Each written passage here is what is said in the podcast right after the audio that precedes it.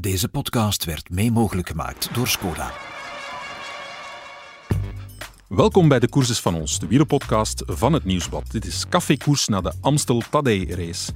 Hij kwam, hij zag de hellingen die hij niet bij naam kende en hij overwon. Je moet daar niet meer aarzelen natuurlijk. Maar er sluit veel voor aan. Het valt stil.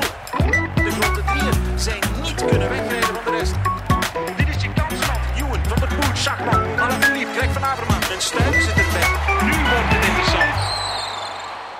Café Koers, dat is onze wekelijkse afspraak met twee analisten voor een van de grote klassiekers. Geen idee of de Amstel een grote klassieker is. Misschien zal ik hen dat eens vragen. En in onze app van het Nieuwsblad dan doen we dan telkens live analyses bij het koersverloop.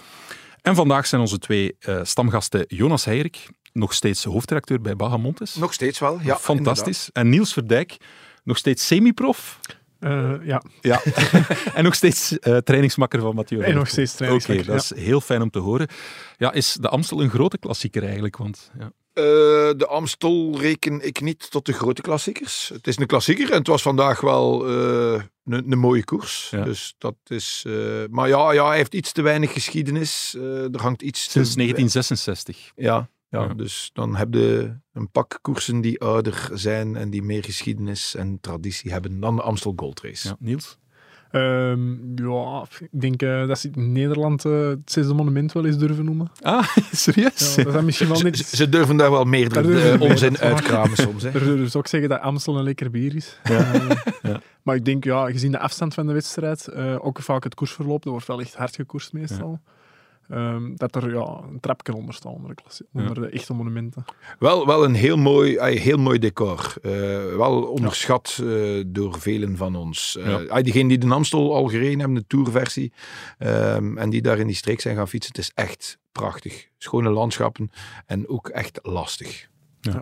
Duizend hoogtemeters meer dan de ronde, dacht ik. Ja, Ja, ruim denk ik. Ik Ja, juist ruim, op hè, Strava al zo al de eerste gefinished eh, langskomen. En ik denk dat ze toch aan 3007, 800 hoogtemeters hadden. Ja. gedaan, Dus. Ja, ja, en 33 hellingen eh, in totaal. En wat aan mij opvalt, want ik heb daar nu ook gefietst, het is, het is nog veel meer op en af. Hè. Ze zeggen vaak in de Ronde van Vlaanderen, het is op en af, maar daar is het echt nog veel meer. Je komt echt een bergje beneden en je hebt 300 meter om even te recupereren en het volgende bergje is daar al. En dat in de ronde, in de ronde je meer stukken tussen, eh Ja. Ja. denk ik. ja Mathieu, in 2019 was het, hè, dat hij zijn Ja, fameuze overwinning daar boekte. Ja, fenomenaal, waar iedereen dacht van... Mathieu die rijdt ergens in de achtergrond en dat hij op zijn eentje toch nog in winnende positie komt. Dat, dat was een van de meest eh, fenomenale eh, races. Ja, eh, heeft hij daar zelf toen iets over verteld? Van, of hoe, hoe hoog staat dat nog in zijn top drie van de mooiste koersen die hij gewonnen heeft? Ja, dat is toch wel... ehm, we hebben het er eens een keer over gehad toen in die periode. Ehm, en dat stond naast zijn wereldbekerzegen in Nove Mesto, dat hem shorter de afrijd bergop, toch wel eh, Ja. heel hoog genoteerd. Maar ja, ondertussen is er al veel Ja, meer Er is er gebeurd heel veel. Maar, maar het is inderdaad wel, ik denk dat de, de wielerliefhebber dat nog altijd herinnert. Hè, die Ja, sprint, ja. waar dat hij eigenlijk een kopgroepje ziet sprinten en Mathieu komt daar, allee, wel nog met, met wat volk in zijn wiel. al zijn wiel, hè, ja, ja. ja, ja. En hij, hij komt daar gewoon, ja, alles en iedereen eh, voorbij gevlamd. Ja. Dat was een raket. Hè. Voor mij persoonlijk, ik heb nog maar twee kippenvelmomenten niet gehad. En dat was vorige week ehm, op de piste van Roubaix dan kwam binnengedraaid. En dan ja, de Amstel Gold Race uiteraard. En daar krijg ik nog altijd kippenvel van, als ik dat zie. Ja, hoe was dat? Want je, je was daar ter plekke hè, om jouw vriend eh, aan te moedigen. Ja. Crossen, hectisch. Ja. Ehm, maar ja, leuke dag natuurlijk. Het is om, om op de piste zelf om erbij te geraken. Gewoon om of- overal te geraken. Ja, we proberen dan natuurlijk onderweg zoveel mogelijk eh, punten te kijken. Ehm, en we proberen dan de goede, allee, een paar goede stroken ertussen eh, Ja. te zoeken. Maar het was echt eh, kopgroep gepasseerd, naar een auto lopen. En dan eh tegen Dus jij stond toch niet in die laatste bocht op Carrefour de Larbre, waar dat de Pinijze gesmeten Nee, net? nee, nee. nee. Carrefour de Larbe ben ik niet gepasseerd. Dus, eh, gesmeten? Ja, dat is misschien daar waar dat Van Aert Jonas, we hadden toch Eh, afgesproken dat, dat we dat off the record gingen houden. eh. voor alle duidelijkheid, dat is dus een grapje. Hè. Dat is echt een grapje.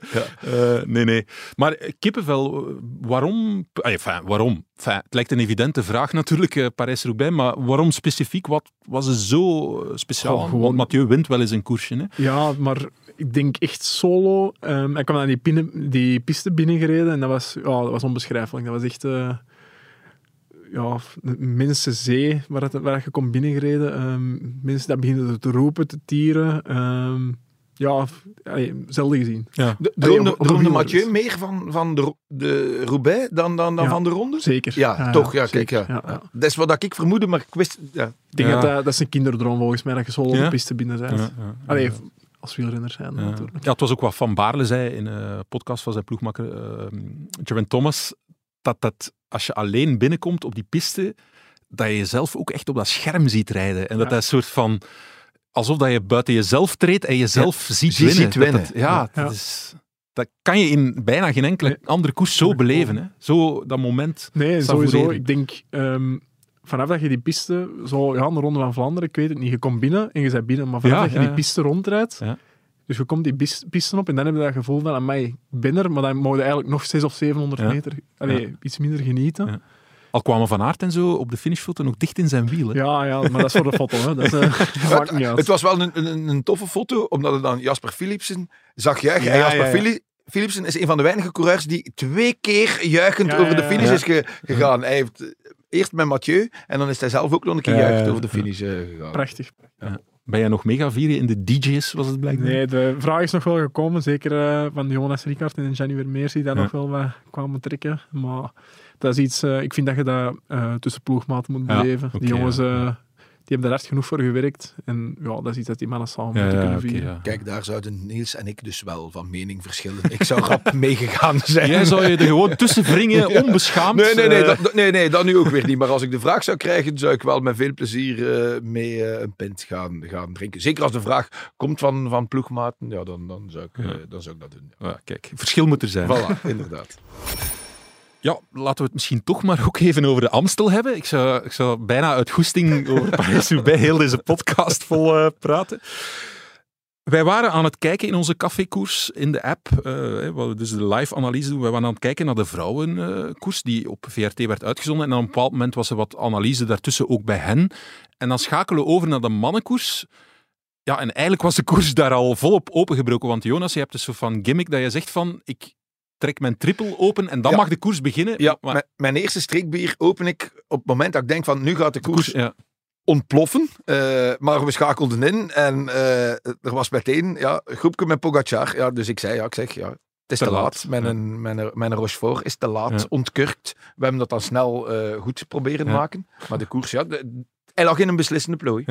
Fenomenaal. Het was op 85 kilometer van de streep. En normaal, als de grote drie samen koersen, dan hebben zij wel een gemeenschappelijk belang om die koers vo- volledig open te breken. Maar nu was het Pogacar alleen. En toch gebeurt dat ook weer, Niels. Ja, dus, Ja, toch gebeurt dat ook. En ook, ehm, ik denk dat de meeste kopmannen attent waren. Het was ook niet, het was niet een groep waar dat ene kopman bij zit en dan nog tien of elf eh, meesterknechten of zo. Het waren Ja. echt, ja, van de dertien denk ik dat er tien kopmannen bij zaten.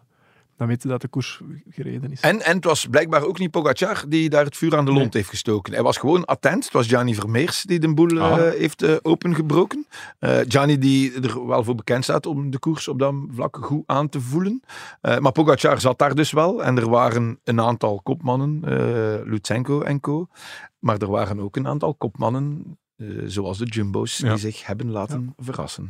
Tosh van der Zanden zat daar aanvankelijk bij, bij Jumbo-Visma, maar die laat zich dan uitzakken of kan niet mee. Ja, dat is niet de juiste man die dan mee is, toch, voor Jumbo? Ja, ik denk, ehm, als je ziet dat zo'n groep wegrijdt en dat Tosh dan toch de verkeerde man is om mee te hebben. Maar ik denk dat dat, dat een beetje het probleem. Dat hoorden ook Maxime van Gils, Ties Benoot. Ja, ze hadden het niet verwacht zo vroeg in de wedstrijd met zoveel kopmannen. Dus anders is Tosh van der Zanden wel een goeie om op 85 kilometer van de meet mee te zijn met de kopgroep. Alleen als je dan ziet wie dat erbij zit, dan was hij niet de goede man. Het is ook niet een schande dat je door Pogacar wordt afgereden op de Koubergen. Dus, allee, dat is... Nee. Ik heb er nog anderen gezien. eh Paché, die moest daar ook passen. Dat is, dat is ook geen slechte klimmer. Dus, allee, ja. Ja, en, en lange tijd heeft dan ook, hè, we zijn beginnen kijken 85 kilometer voor de meter en was het 30 seconden. En eh 20 kilometer later was het ook Ja. nog die 30 seconden. Dus het heeft heel lang zo ja, Ja. eh, er, erom gespannen.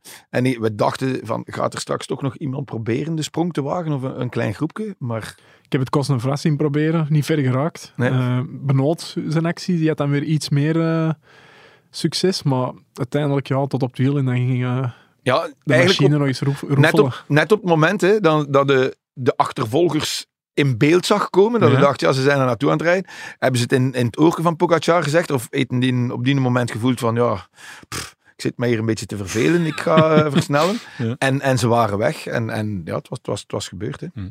En dan, ja, Pogacar vertelt het achteraf ook. Ja, een, een tijdje op een soort van halfvlekke band. Hij zal wel tubeless rijden en het zal wel opgevuld zijn. Maar bon, eh, ja, het was niet ideaal. En, en toch rijdt hij dan mee. En dan op een bepaald moment aan, aan de voet van de Kruisberg wisselt hij nog van fiets. Ja, Ja. dan... Pitcock zit daar wel. Jij zei dan ook van, ja, Pitcock zou nu eigenlijk moeten gaan. Maar hij was... In een oogwenk was hij terug. Hè. Ja, ze waren nog niet boven. En, Ze waren niet boven, nee. Eigenlijk eh, bij iedere andere wielrenner zouden ze zeggen, oh, slechtste moment om te wisselen, vlak voor de berg. Maar Pogacar, oh, twee keer recht gestaan, vijf keer getrapt. Ja. En dat was erbij, hè. Tegen dat het doorkwam in het oortje van Pitcock, was hij er ja, alweer ja, bij. Ja, ja, de, de, ey, ja, fenomenaal. En daaraan zag je gewoon, ja, hij stak er vandaag met kop en schouders Ja. bovenuit. Hè, waar dat hij in de Ronde Ja. van Vlaanderen eh, nog wel zoiets had van, oeh, hè. Tijdens de koers proberen we toch nog wat spanning te creëren door te zeggen van, amai, Lutsenko ziet er goed uit. of- Maar uiteindelijk... Ja.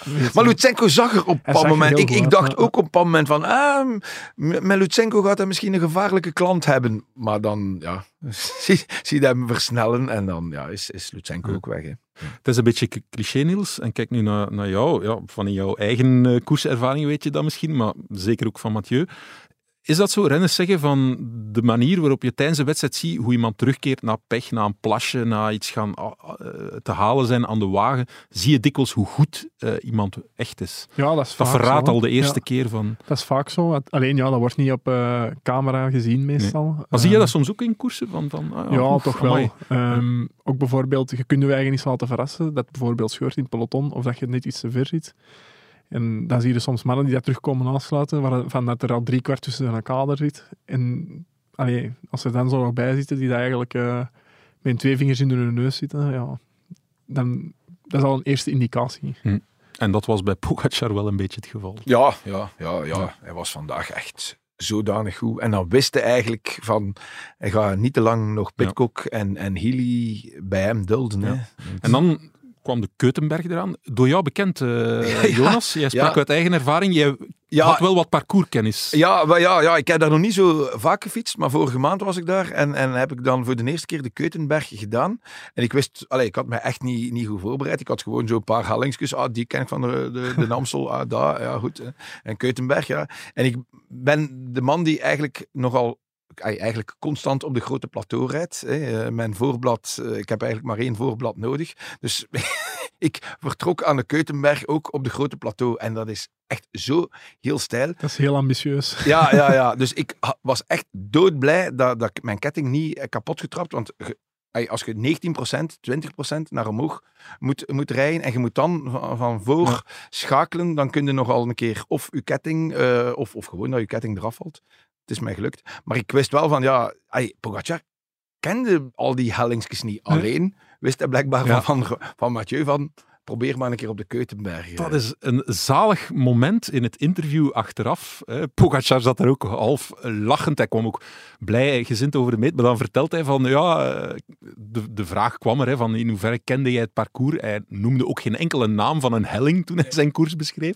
En hij zei, ja, ik wist niet veel. Maar eh, Mathieu heeft mij blijkbaar drie dagen geleden, heb ik nog met hem eh, berichtjes zitten uitwisselen. En hij zei mij, ga op de Keutenberg. En ik heb zijn tip opgevolgd. Het is een soort van bromance tussen die twee. Het is prachtig, het is ook effectief zo. Hè. Dus eh Ja? Mathieu stuurde een screenshot achteraf van dat gesprek, dat hem zei, eh, het zou mooi zijn moest op de Keutenberg aanvallen. En Pogacar stelde de vraag, waar, waar ligt de Keutenberg? Wat is dat? Meen je dat? Ja? Mathieu antwoordde, de steepest one.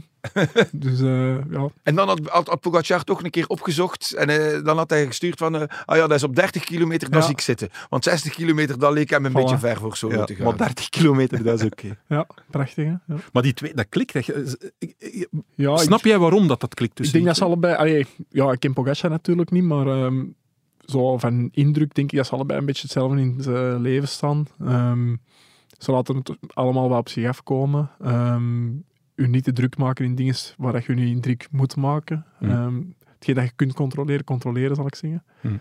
En ja, alleen na de ronde bijvoorbeeld was dat ook... En, eh, Mathieu was totaal niet ontgoocheld. Allee, was wel...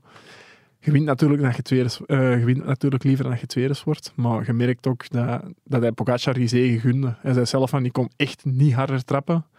Ehm, hij was gewoon veel beter. Dus ja, Ja. Dan kunnen we misschien een zijsprongetje maken, want dat is altijd wat ook eh, voor de drieluik, het was de eerste koers van een drieluik voor Pogacar, hè, dus hij gaat de Amstel rijden, Waalse Pijl en Luik. En dan zijn er mensen die zeggen, ja, hij gaat weer zoveel koersen, hoe is dat mogelijk? En al die stress en al die drukte, en gaat hij dat niet bekopen later op het jaar? Maar als je dan ja, uit het leven gegrepen ziet hoe hij zo'n koers beleeft blijkbaar, dat hij daar een spelletje van maakt, met, met Mathieu ook, van ah, daar en dit en dat. En we hebben het deze week eigenlijk ook al in onze podcast gezegd. Jan-Pieter opperde het ook na een interview met Pogacar, dat hij die indruk had van ja, voor Pogacar kost dit zeker en vast mentaal minder moeite dan drie weken op een berg te zitten. Zijn jullie het ermee eens? Zeker. Ik denk ook dat er... ehm, er wordt van veel renners verwacht dat ze dat moeten opbrengen om op tijden gaan- te gaan zitten, twee of drie maanden. Maar je moet dat mentaal ook aan kunnen. Ehm, ik denk dat je dat bijvoorbeeld ook ehm, bij een ziet, die dat eigenlijk vorig jaar na de Tour toch een beetje er wat doorzakte mentaal. Ehm, en ik denk dat bij Pog- Pogacar en Mathieu is dat juist hetzelfde. Ehm, bij maar koersen dan niet. Koersen is dan niet zwaar. Nee, ja, ik denk, dat is, dat is anders. Dat is inderdaad, zoals je gezegd, je maakt er wel een spel van. En uiteindelijk denk ik dat die jongens ook zijn beginnen fietsen om te koersen. En niet per se om drie maanden op een tijden te gaan of zo. Ja, je ziet ook dat die gasten starten zonder druk. Ik denk dat Pogacar vandaag gestart is. Win ik, zoveel te beter. Ja. Win ik niet, even goed. Hm. Het is plezanter dan zeven uur op mijn eentje te trainen. Of, of, of ze, allee. Dus ik denk dat dat voor hen een, een soort ja, eh, mentale ontlasting zelf, Ja. zelf is. Ehm, liever die kilometers, het zijn snellere kilometers. eh, het is aangenamer dan dat je zeven uur op je eentje moet, eh, moet trainen. En ze kunnen het aan, want niet, niet alle coureurs zouden het aan kunnen Ja. natuurlijk. Maar nu ook de Waalse pijl. Allee, als de Waalse pijl het hetzelfde ko- koersverloop heeft als de laatste 120 jaar, ehm, dan eh, blijft alles samen eh, tot, tot de laatste keer. Allee, Ja. dat is niet waar. Er zijn zo wat ontsnappingsjes, maar je weet, voor de muur, de, de finale klim, loopt alles samen. En als Pogacar nu gans een dag in dat peloton eh meerijdt, is dat een zeer rustige training. Ik. Mathieu was dat juist hetzelfde bij de Scheldeprijs. Dus hij zei eigenlijk al drie weken op voorhand, was hem al aan het zeggen tegen mij, als het goed weer is, dan start ik in de Scheldeprijs. Ja. En ik, allee, ja, hij zegt zo soms nog wel eens dingen voor te zeven, dus ik zeg wel zeven raar. En hij zei, nee, ja, eigen regio, nog nooit gekoerst, goed weer, dan start ik in de Scheldeprijs. Uiteindelijk de Scheldeprijs meegereden, eh van Philips zijn werk weggedaan. En dan na, het, eh, na de Scheldeprijs samen met mij nog een uur gaan trainen. En dan heb je ook gewoon een mooie dag. Hè. Ja. ja, en ik denk, allee, uiteindelijk, hij helpt Philipsen daaraan een zegen. Hij Ja. test zijn benen daar en zal gemerkt hebben, hm, die zijn heel goed. Ja, bedoel, dat En is de dag is snel gepasseerd. En geen is snel kilometers ook eh, Ja, gehad. en, en waarschijnlijk anders had hij toch een training ook misschien van 200 Ja. kilometer moeten inlassen. Ja. Ja. dan kun je het beter op die manier doen. En de ploeg was content. Allee, ja.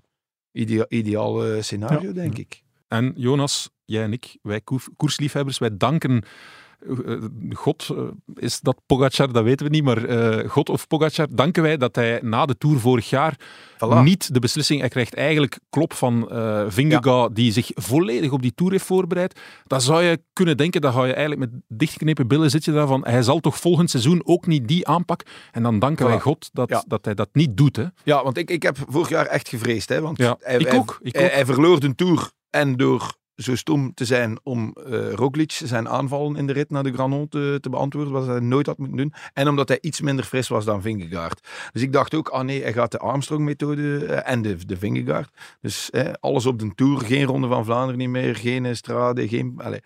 En gelukkig koerst Pogacar zo graag. En is die mens, denk ik wel, bezig met in zijn achterhoofd van ik wil wel geschiedenis schrijven. Ik wil afvinken, zoveel mogelijk. Hè. Ik heb die Reno gewonnen, laat mij van jaar dan maar Parijs-Nice eh, winnen. En ondertussen Vingegaard daar eh, een mentale oorveeg geven, eh, waar dat hij nog waarschijnlijk niet van hersteld is. Dus ja, ja dat, dat is gewoon omdat die mens plezier heeft. Je ziet dat, als die vandaag over de finish komt, ook als die aan de start staat, die interviews, je ziet dat die mens vindt dat plezierig, hij is daar graag. En dat kunnen niet van alle coureurs zeggen voor een start.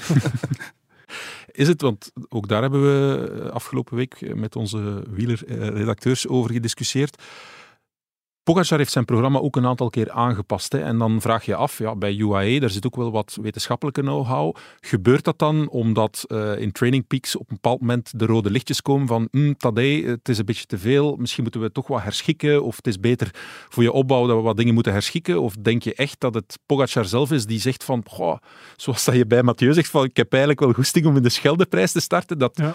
dat, dat eh, Pogacar zelf beslist om te zeggen van, weet je wat, Tirreno was voorzien, maar ik wil in Parijs-Nice. Wat, wat denk jij hoe het Ik in elkaar wel. zit? Ja, ik denk dat dat zo in elkaar zit. Ehm, Het tweede scenario, waar Pogacar dat zelf zegt. ja, Ja. ik denk dat wel. Ehm, ook omdat, ik had over laatst een interview gelezen van Pogacar, dat hij deze jaar nog niet op hoogste is geweest. Nee, klopt. Ja. Dus eh, dat vind ik al redelijk straf. Ehm, en ja, allee, je merkt dat gewoon aan alles dat hij graag koerst. En het is ook niet als hem koerst, dat hem gewoon volgt. Hij koerst echt. Nee. En als je ook- zo goed zijn, dan plezier. Ja. Ja. Ik denk ook dat een hoogste stage voor Pogacar niet nodig is. Die zweeft zo hoog boven de rest uit, dat hij eigenlijk al op grote hoogte eh, constant verblijft. Dus eh, helemaal niet nodig. Ja. Maar ja, als je, als je zo goed bent en je weet van, ja, ik ga aanvallen waar ik wil. ehm, ik kan nog 10 kilometer blijven zitten. Ik kan nu aanvallen wanneer ik wil. Pff, Allee, waarom zouden we dat niet koersen? Hè? Ja, je moet alleen hopen dat hij dat ook gaat blijven kunnen doen. Voorlopig eh, Ja. heb je alle, ey, alle signaal van dat, dat zal zo. Maar ik herinner mij, Sagan was in het begin ook zo. En die koerste ook heel graag. En overal waar dat Sagan kwam, koerste die ook mee voor, over, voor de overwinning. En plotseling Ja. ja, Ja. was de goesting weg, of de motivatie weg. Ja. Maar is dat dan erg? Want sommige mensen eh, redeneren bij renners bijna van...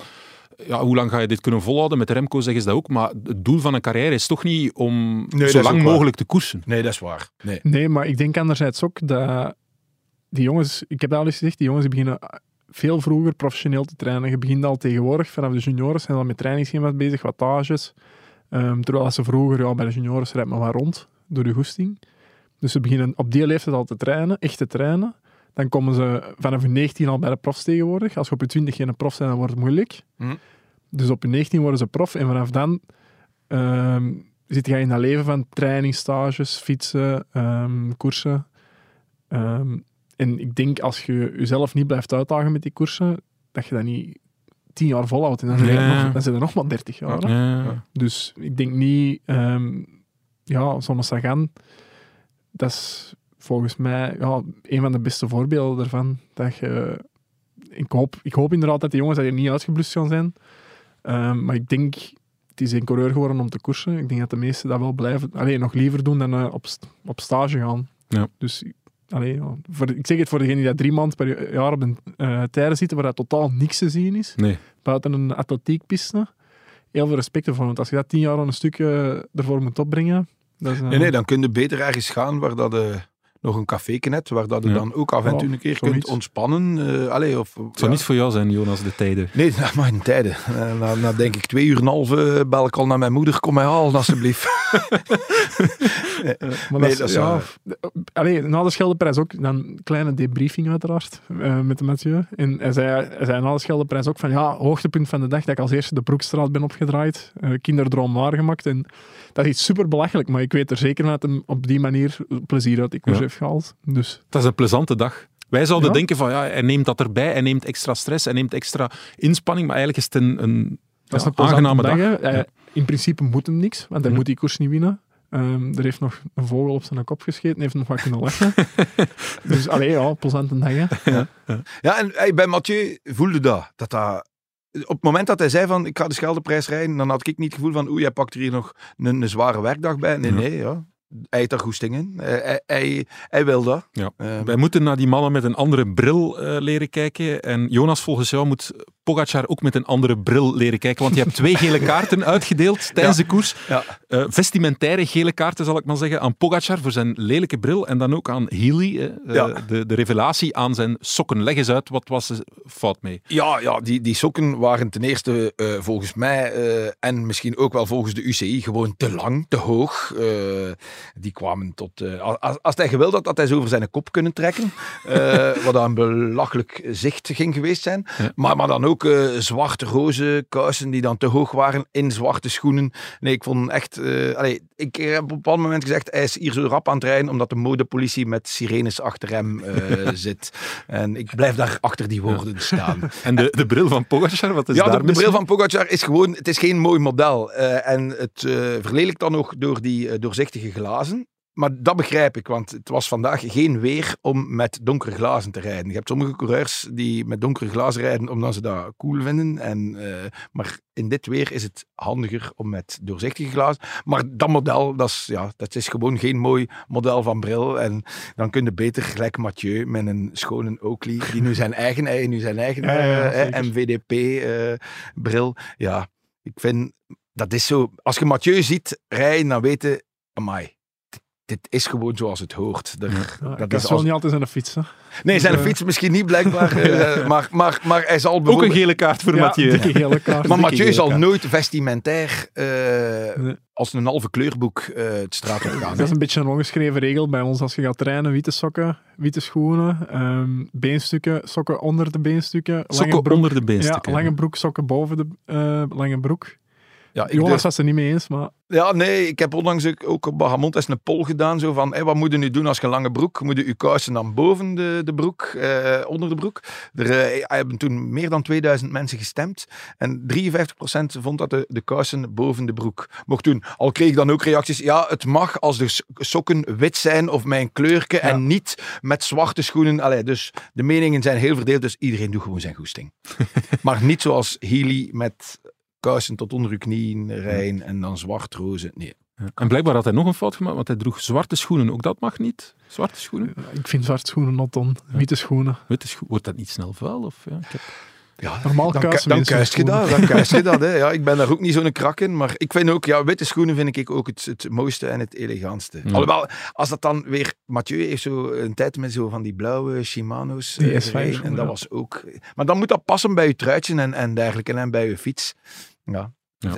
Eh, waar dan vroeger de wielertoerist 20 jaar geleden echt waar, je reed in de Vlaanders rond en je moest een bril aandoen omdat je eh, anders blind werd van al die kleuren, die schreeuwlelijke kleuren, fluo, alles door elkaar, de ferrijntruitjes. En ik bedoel, buiten nu gaat een wielertoerist, die kijkt dat zijn helm past bij zijn bril, bij zijn fiets. Ja, Ja, dat is toch allemaal eh, een beetje veranderd. Ja. Ben jij zelf ook een beetje zo? Niels? Want jij werkt ook in een fietswinkel, hè? ja, ja, juist. Ehm, ben ik zelf zo, hop. Ja, Niels. Maar je komt wel altijd piekfijn uitgedost naar Café Koers in elk ja, geval. ja, dat is wel Mooi dat hemdje belangrijk. daar. Dus Ja. witte schoenen. Witte schoenen. Ja, schoenen standaard, ja. Ik ben zeker dat Niels altijd goed uitgedost op zijn fiets We eh, doen ons best, ja. Ja. Overlaatst wel eens, ehm, terwijl het regende, zonder overschoentjes vertrokken, met mijn wi- witte schoenen, daar heb ik heel veel spijt van gehad. ja, echt waar, dat doet mij, dat doet mij hart zeer. Raakt dat dan nog proper? Ja, ja, Dat raakt nog wel. proper, ja, ja, we hebben de trucjes al, maar eh, toch, doet pijn. Je gezin is net als een wielerploeg. We moedigen elkaar aan. En we weten dat we met de tips van onze ploegleider we alle kansen hebben om echte kampioenen te worden. Skoda, supporter van de grootste fietsfamilie. Zeg, waarom is Mathieu eigenlijk niet gestart in de Amstel? Want het is toch Nederland? Ja, had hij dat er niet Ja. nog kunnen Ik bijnemen? denk dat het vooral me- mentaal een beetje op was. Ja. Hij zei ook, ehm, na het WK veldrijden had hem één week rust gepakt. En hij zei echt van, ja, die week was echt te kort. Ja. Dus ehm, ik denk dat hij heel blij is dat hij eh, even de riem eraf kan doen. Normaal ging hem nog mountainbiken.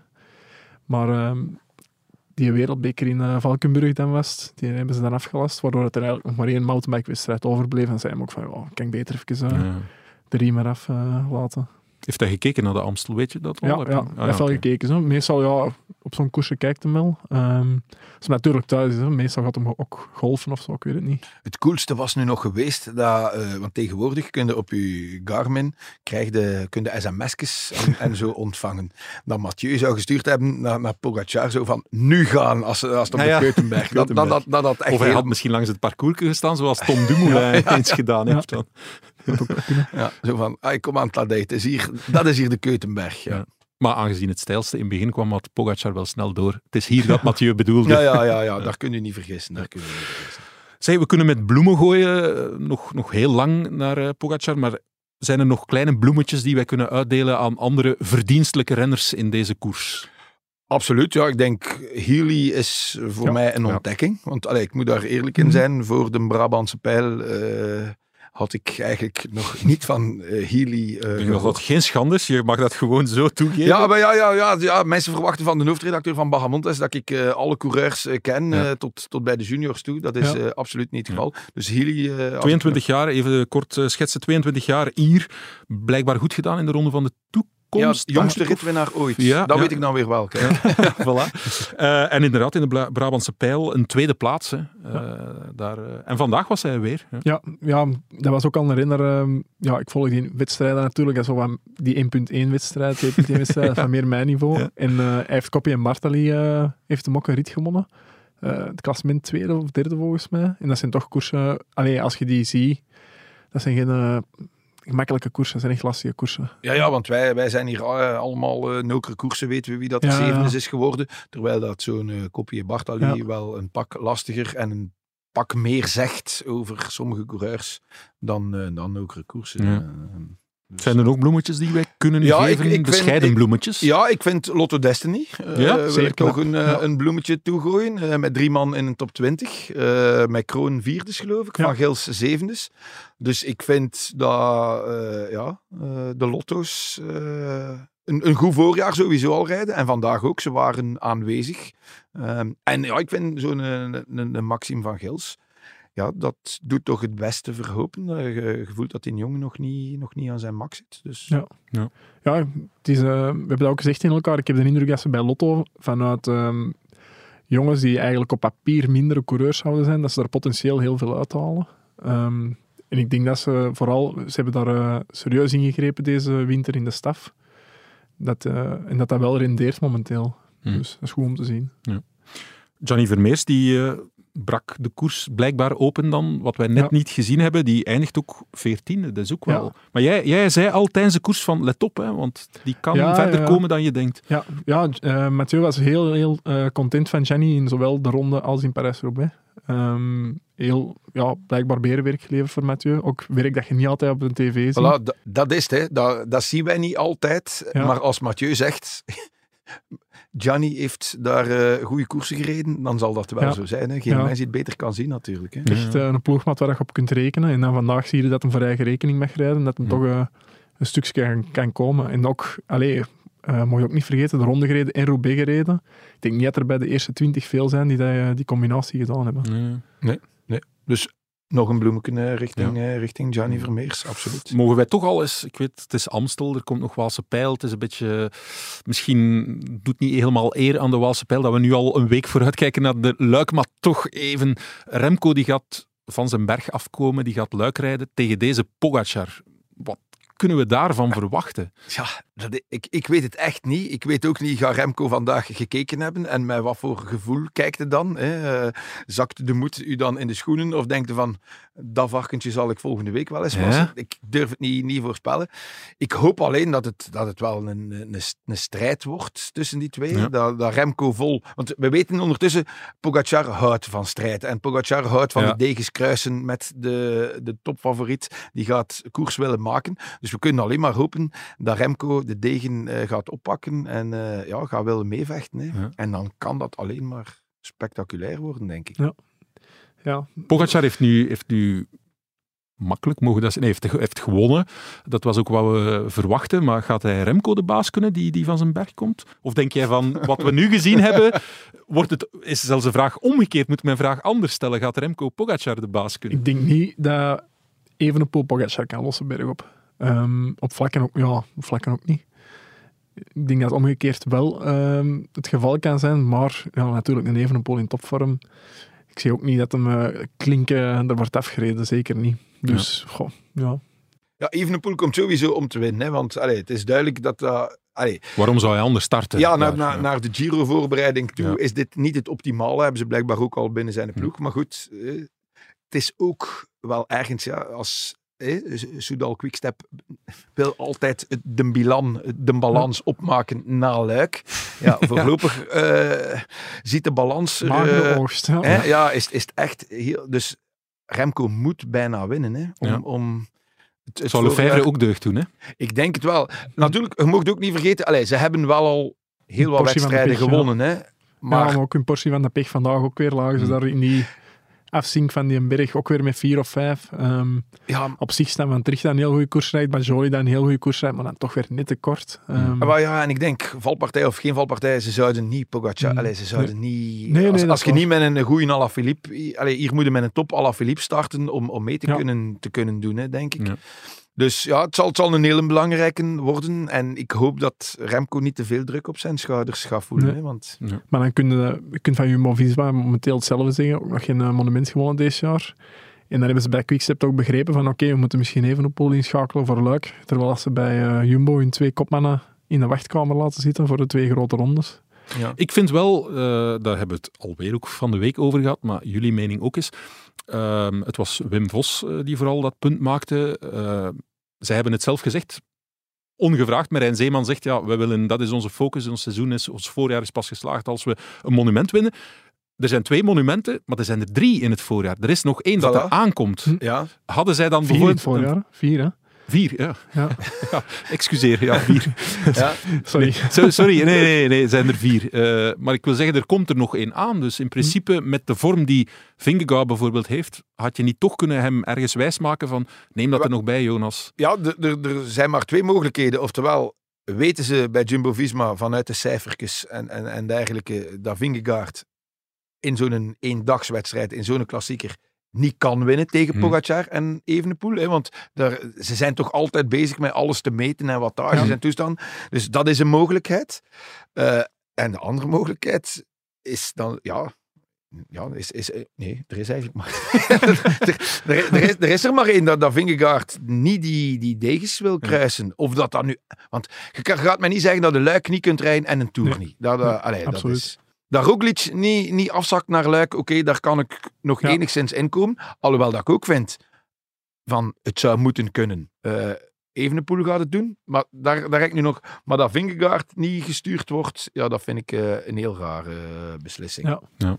Jumbo-Visma heeft natuurlijk wel... Allee, ze hebben wel Gent-Wevelgem gewonnen, ze hebben eh, E3 gewonnen, ze hebben wel het nodige gewonnen, ze hebben de Ronde van Baskeland gewonnen.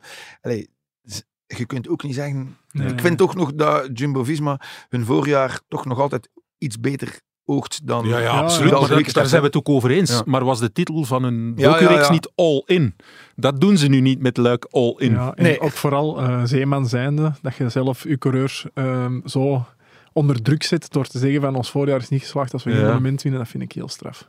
Natuurlijk, ook Wout heeft, heeft dat toch een beetje eh, zo in die richting geduwd. Hè? Eh, door te, te gaan aangeven van het is de ronde en, en Roubaix, daar, dat zijn mijn grote doelen. Ik laat de Strade eh, vallen, want mijn doelen liggen later. Ja, en dan die Gent-Wevel gaan weggeven.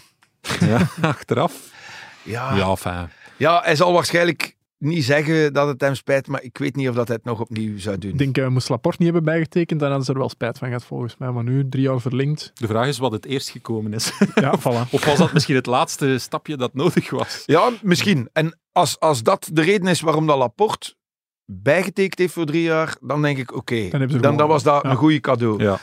Eh, maar volgens mij zou Laporte misschien sowieso wel hebben bijgetekend. Ehm, en dan, ja, dan, dan kun je er niet naast kijken dat, dat Wout van Aert een klassieker heeft weggegeven. En ik vind, ja, Gent-Wevelgem, we hadden het daarnet over, hij is de Amstel een grote klassieker. Maar ik vind Gent-Wevelgem nog net eh, wat meer klassieker en Ja. nog net iets grotere klassieker dan Gent-Wevelgem. Voor ons is dat het zesde monument, voor de Italianen de Strade en voor de Nederlanders de. Amstel. Maar kijk, ik, ik vind ook, als, als er dan nog één zesde monument zou moeten bijkomen, is het de Strade. Ah. Door, die specifiek, eh, door dat specifieke en door de status die, dat- die de koers, waar dat er veel minder geschiedenis aan hangt dan de Amstel. Mhm. Maar door het specifieke, door gans die sfeer daar rond, door de ambiance, de, de, de, ja, vind ik dat meer een monument.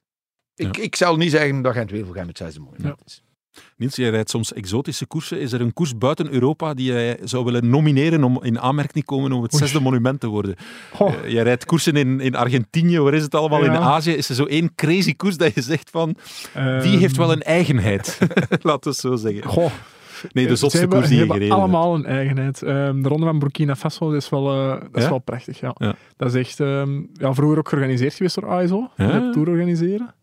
Ehm, en het is tien ritten. Ja, survival of the fittest. Ja. Dus eh, ja. De ronde van Burkina Faso, ik vind dat die eh, tot een soort van monumentenstatus moet Ja, verheven zou een worden. mooie Voilà. reportage voor Bahamond is. eh. Ja, wel, maar we, we zijn van plan om een, eh, een Afrika-nummer te gaan maken. Het Ja. WK is in 2025. Ja, eh, ja, dus ja. daarvoor willen we sowieso een, een thema Afrika. En dan willen we gaan kijken, maar dan de ronde van Burkina Faso is dan al naar het schijnt te professioneel. Het kan nog amateuristischer. Ja, jullie gaan Ja. op zoek naar Ah, maar ja, ik zou dan wel, ja, want allee, je hebt, je hebt documentaires hè, nog, nog van 15 jaar geleden, waar dat echt nog in tenten slapen Ja, was. dat en- was nu ook nog zo. Ah ja, voilà. Maar, maar ik denk wel, allee, en je kunt eh, de, het continent, eh het Soudal eh, Development Team is de ronde van Rwanda Ja. gaan, gaan rijden. Maar Rwanda En is ik- echt heel professioneel. Ja, ik hoop wel dat er eh, binnenkort zo echt een World Tour race daar echt is, met allerbeste ploegen daar in Rwanda of in Afrika. Ja. Omdat daar een keer, want de beleving is daar naar het schijnt Ja. ongelooflijk. De omstandigheden, de wegen en zo, dat valt allemaal ongelooflijk goed mee. Dus daar kijk ik wel echt naar uit. Ik vind Rwanda zeker. Ja. Rwanda is echt een wielerland. ja. Ja. Ik, ik denk dat dat ook nodig is in de, om de sport nog verder te internationaliseren. En ge- we hebben ondertussen al gemerkt, er komen eh, heel goede coureurs aan uit Afrika. En dat gaat alleen maar beter worden. Na, na Mohamed Ali tegen Foreman is het tijd voor een nieuwe Rumble in the Jungle. Misschien tussen Pogacar, Van der Poel en Van Aert daar Voilà, ergens. voilà. Ja, maar ja, echt. eh, Ik zie ze daar al, eh, de, de muur van Kigali, waar daar naar Ah, schijnt een verschrikking fantastisch. eh, is Ja. oprijden tussen een mensenzee. Want wij hè, hier, de, de Ronde van Vlaanderen, mensenzee. Maar dat schijnt Ginder eh, niet Ja, te moeten ja, onderdoen. Hè? Dat is, Ah, Wel, als Tadej zijn vijf monumenten gewonnen heeft en, en misschien Mathieu dan vier, ik denk dat hij daar tevreden dan mogen ze eens een, een wedstrijd, een Rumble in the Jungle op de muur van Voilà. Kigali gaan eh, kan ik, organiseren. ja, kan ik Voilà. mij in vinden. Goed, we hebben ook vrouwenkoers gekeken. Dat was, die, kwamen, die startten voor de mannen, die kwamen ook aan voor de mannen. Dat was de reden waarom we na 85 kilometer eh, invielen eigenlijk. En ik denk dat de organisatoren zullen gedacht hebben, dan begint de mannenkoers nog net, maar ze hadden zich wat misrekend. Ja, was ook een heel fijne koers. Ehm, en natuurlijk, ja, SD Works eh, opnieuw. Met Vollering, Demi Vollering, die won. De gedroomde winnares, denk je, bij SD Works. Nederlandse. Kopecky heeft ook al behoorlijk wat gewonnen, dus Voilà, dat denk ik. We zeiden het, hè. er is een duidelijke afspraak ge- gebeurd. Het is vandaag niet in de soep gedraaid. Al hebben we even gedacht van, tja, het is weer eh, Ja. de strategie van de chaos. eh, maar, het, Georganiseerd chaos, ja. ja, maar het draait wel altijd zo goed uit. En Ja. dat toont gewoon dat dat, dat het Zeker erbovenuit. Ja. echt veruit het sterkste blok is. En ik denk dat ze momenteel, hè, want ik, ik weet niet of dat hier in Café Koers was, dat Lotte Kopecky er met kop en schouders bovenuit zak. Ik denk dat ze momenteel dat je kunt spreken over Lotte en Demi. Dan die echt Ja. wel op gelijke Ja. hoogte Ja. staan. Ze, ja, ze controleerden de koers een beetje, want blijkbaar was er ook afgesproken, zei Demi achteraf, van ze ging dan met Lotte gaan praten wanneer ze zou gaan. De ene ging het aangeven aan de andere en je zag ook een moment dat ze naar elkaar keken van go, Ja. en ze ging en ja, de Ik denk, was uh, moest. Lotte geen ploegmaten zijn, dat is ook meekans. Want ze zat nog zo fris, maar ja... Ja, dat ze zei jij, dat viel jou op. Hè? Als je naar Lotte keek, zij, zij Ja. freewheelde eigenlijk. hè. Ja, echt. Allee, ik denk eh, als je, vi- als je 4 of 23 kilometer voor de finish nog een jasje moet gaan bijhalen omdat je het kou hebt. Allee, terwijl het eigenlijk volle finale is, dat, is, eh, dat spreekt boekdelen. Ja, nee, ze, ze, ze was echt... op een bepaald moment eh, zei ik van... Amai, kijk naar die verweerde gezichten. Want eh, er zaten er te schuddenbollen. Er waren er die met haar mond openreden. Waardoor dat er een ganse zwerm vliegen binnen kon. En dan zag de Lotte Kopecky... Die ademde nog niet. En dan weet je goed genoeg. En het was inderdaad zo. Je ziet Demi en Lotte naar elkaar kijken. En Demi krijgt het signaal van... Doe maar. Ja. En ze kwam van heel ver. Hè. Ze, Ja. ze moest echt nog 15 meter aan de andere kant van de weg, eer dat ze heel de groep voorbij was. Dus iedereen heeft de demarrage gezien en nog race ze weg. Dus de sterkste. Al denk ik inderdaad. Hij Lotten, ja, ze won de sprint met overmacht, dus het had net even goed andersom kunnen zijn. Ja. Maar opvallend, en dat vond ik zeer opvallend, voor de eerste keer na de finish affectie tussen het Belgische en het Nederlandse kamp. Tussen Allee. Lotte Ja. en Demi. Alles komt goed. Nee, Ja. want in de Strade Bianche was het nog... We gaan het woord niet uitspreken, maar het was iets met een, een K en een T en dan een wijf. Ja. en dan... Ja, zelfs de Ronde van Vlaanderen vond jij dat het ook niet helemaal Nee, nee, bij de, grote team-euforie was? Nee, bij de Ronde van Vlaanderen. Ik, ik weet nog, eh, ik weet niet hoe dat het kwam, maar na de finish. En dan zag ik plotseling beelden van twee knuffelende SD Works dames. En ik dacht, ah kijk, Lotte knuffelt een ploegmate. Maar wat bleek, Lotte stond 100 meter verder eh, te kijken naar haar twee knuffelende ploegmates. En dat waren twee Nederlandse dames. Waar dat ik ook weer dacht van, ja, dat zit daar toch nog niet 100% goed. Maar vandaag. Ja, ik denk ehm, in de strade hebben ze dan eigenlijk een fietsje een beetje gehad. En ik denk als je dan de rest, rest van het voorjaar moet gaan analyseren, dat het eigenlijk eh, goed was dat ze dat daar hebben Ja? gehad. Ja, ehm, ik denk eh, dat de ploegleiders eh, wel even op tafel zullen hebben geklopt. Rolverdeling heel duidelijk hebben gemaakt. En dat zie je in de ronde. wordt 100% de kaart getrokken van Lotte. Vandaag wordt 100% de kaart getrokken van Demi. Dus Ja. Maar ik denk vandaag was het een beetje 50-50. Was het van Demi, jij probeert ja, aan te gaan Hm. en wordt het teruggepakt, dan is het Ja. voor Lotte. Dus hier was het 50-50, de ronde inderdaad. Ja. En wat dat er toen, hè, na de strade, weet, weet ik nog dat er gezegd werd, ja, er was niet afgesproken wat dat er moest gebeuren als we met twee weg waren. Ja. dat hebben ze dan toch wel duidelijk Ja. gemaakt. Van, we, we gaan zo geen scenario's Ja, ja, ja. niet meer. Ze hebben er lering uitgetrokken. Inderdaad, het is misschien dan een geluk bij een ongeluk dat zo vroeg op het seizoen Ja. gebeurt Ja. in, een, in een strade die ze dan toch gewonnen hebben. Dus dat maar maakt ook ja. zien twee. hey, Voilà, ja. dus ja. Een geluk bij een ongeluk, je wordt 1 en 2. Dus Ja, Ja, of een geluk bij, ja, moet je dat een ongeluk noemen, maar, Ja, ja. Ja, ja. ja. maar de dingen soms is op, op scherp stellen, dat kan goed Ja, dat zijn. mag. Hè. En ik denk, ehm, zeker in zo'n ploeg, waar je met zoveel kopvrouwen zit, dat dat wel eens even goed is, dat je even duidelijk maakt, oké, jij daar, jij daar. ehm, Ik en denk vandaag het ook super belangrijk. Lorena Wiebes heeft haar echt de Wiebes gereden eh, voor die twee Wiebes. anderen. Ja, voor die ja. twee anderen. Hè. Ja. Dat, dat was, ey, het was heel duidelijk. Die heeft daar echt leeg gereden. Lorena weet, als, het straks, als er straks gesprint moet worden, Ja. zullen Lotte en Demi zich ook eh, de pleuris rijden. Hm. Hè, om die goed naar de mee te brengen. Ja. Dus, Jou was ook nog iets opgevallen. Bon, het is ons allemaal opgevallen, maar jij merkt het als eerste op, Niels. Eh, ja, dat is Annemiek van Vleuten. Die we toch misschien enigszins hier verwacht hadden. Het was toch altijd gezegd dat ze, dat ze daar wat op getraind had, op die explosiviteit. En dat we haar hier gingen zien in deze koersen Amstel, Waalse Pijl. En ja, ze viel tegen. We, we hebben ze gezien, maar niet op de manier waar- waarop Nee. ze ze dachten te zien. Ja, ik, ik zeg het, ik volg ze ook op eh, Strava, omdat ik altijd onder, onder de indruk ben van eh, de trainingsarbeid dat ze verricht. En dat is zeker, zeker niet minder. Ehm, maar ja, ik, ik, ik zal de verklaring niet weten. Misschien inderdaad het jaartje te veel. Ze, wordt, allee, ze is ook al 40 ondertussen. die is maar vijf jaar jonger dan mij. Jonas, is het voor jou ook niet stil aan het jaar te veel? Ja, bij mij is het al zeven jaar te veel. maar ja, nee, ik denk ja, 40. En dan vraag ik mij af, inderdaad, want die traint nog altijd even Ja, hard. Misschien ja. zelfs nog een beetje meer. En dan vraag ik mij af, traint ze misschien niet te veel? Hm. Moest ze hem niet misschien een beetje minder doen? Maar ik snap het ook wel. Misschien loopt het niet zo goed. Dat, dat, dat hoorde vaak. Hè? Renners of rensters worden wat ouder. Ze presteren wat minder of het gaat wat minder goed. En dan denken ze, ja, we, we gaan nog een beetje harder trainen. We gaan nog een beetje meer trainen. Hm. En zo krijg je... Het zou mij niet verbazen als er binnen afzienbare tijd de, de, de mededeling komt van Annemiek was overtraind. Dat Ja, Ze, fietst ook heel graag. En dat is niet altijd in Ja. voordeel in zo'n situatie. Eigenlijk zouden we dan misschien moeten zeggen, oké, ietsjes minder fietsen, eh, kortere, maar intensievere trainingen bijvoorbeeld. Maar ze fietst heel graag. Mhm. Ehm, Misschien moet Annemiek Dus- mee bij ons bij Wielerclub de Admiraal komen rijden. Dat is allemaal iets gezapiger. Jullie zijn vanmorgen gaan rijden Ja, een beetje, een, be- een beetje meer mensen van haar leeftijd. eh, dus, eh, en het zou misschien helpen om dan in koersen super, super scherp te zijn. Ja. Tadej Pogacar die zou misschien ook bij de Admiraal kunnen komen rijden als we hem de Adfundum zagen drinken. Ja. Ik denk dat hij bij de derde helft bij de Admiraal ook niet zou misstaan, want. Nee, voilà, hij maar- die Amstel volledig leeg in één Voilà, en teug. daar zeg je het al. Hè. Als je een Amstel eh noemt, dan moet er toch ook iets mis zijn met je smaakpapieren. denk ik. Dus- dan, vond ik, dan vond ik Pitcock iets geloofwaardiger. Die nipte zo een keer van zijn Amstel en die dacht, nee, dat is toch eh, niet zo lekker. En die zette het weer weg. Ja. Oké, dus Pogacar heeft het verbeurd bij de Admiraal door een Amstel Eh, nee, nee, nee, nee, ik snap dat wel. Want ik, ik, dat snap ik wel. Dat je na zo'n koers gewoon grote dorst hebt. En dan kan een frisse pint... Ja, nee, ja, dan kan een frisse pint... snapt dat niet, Jonas. Dan kan een frisse pint wel, wel deugd Ja, doen. Maar, ja, eh, want eh, na, eh, meteen na de finish was het een spatje.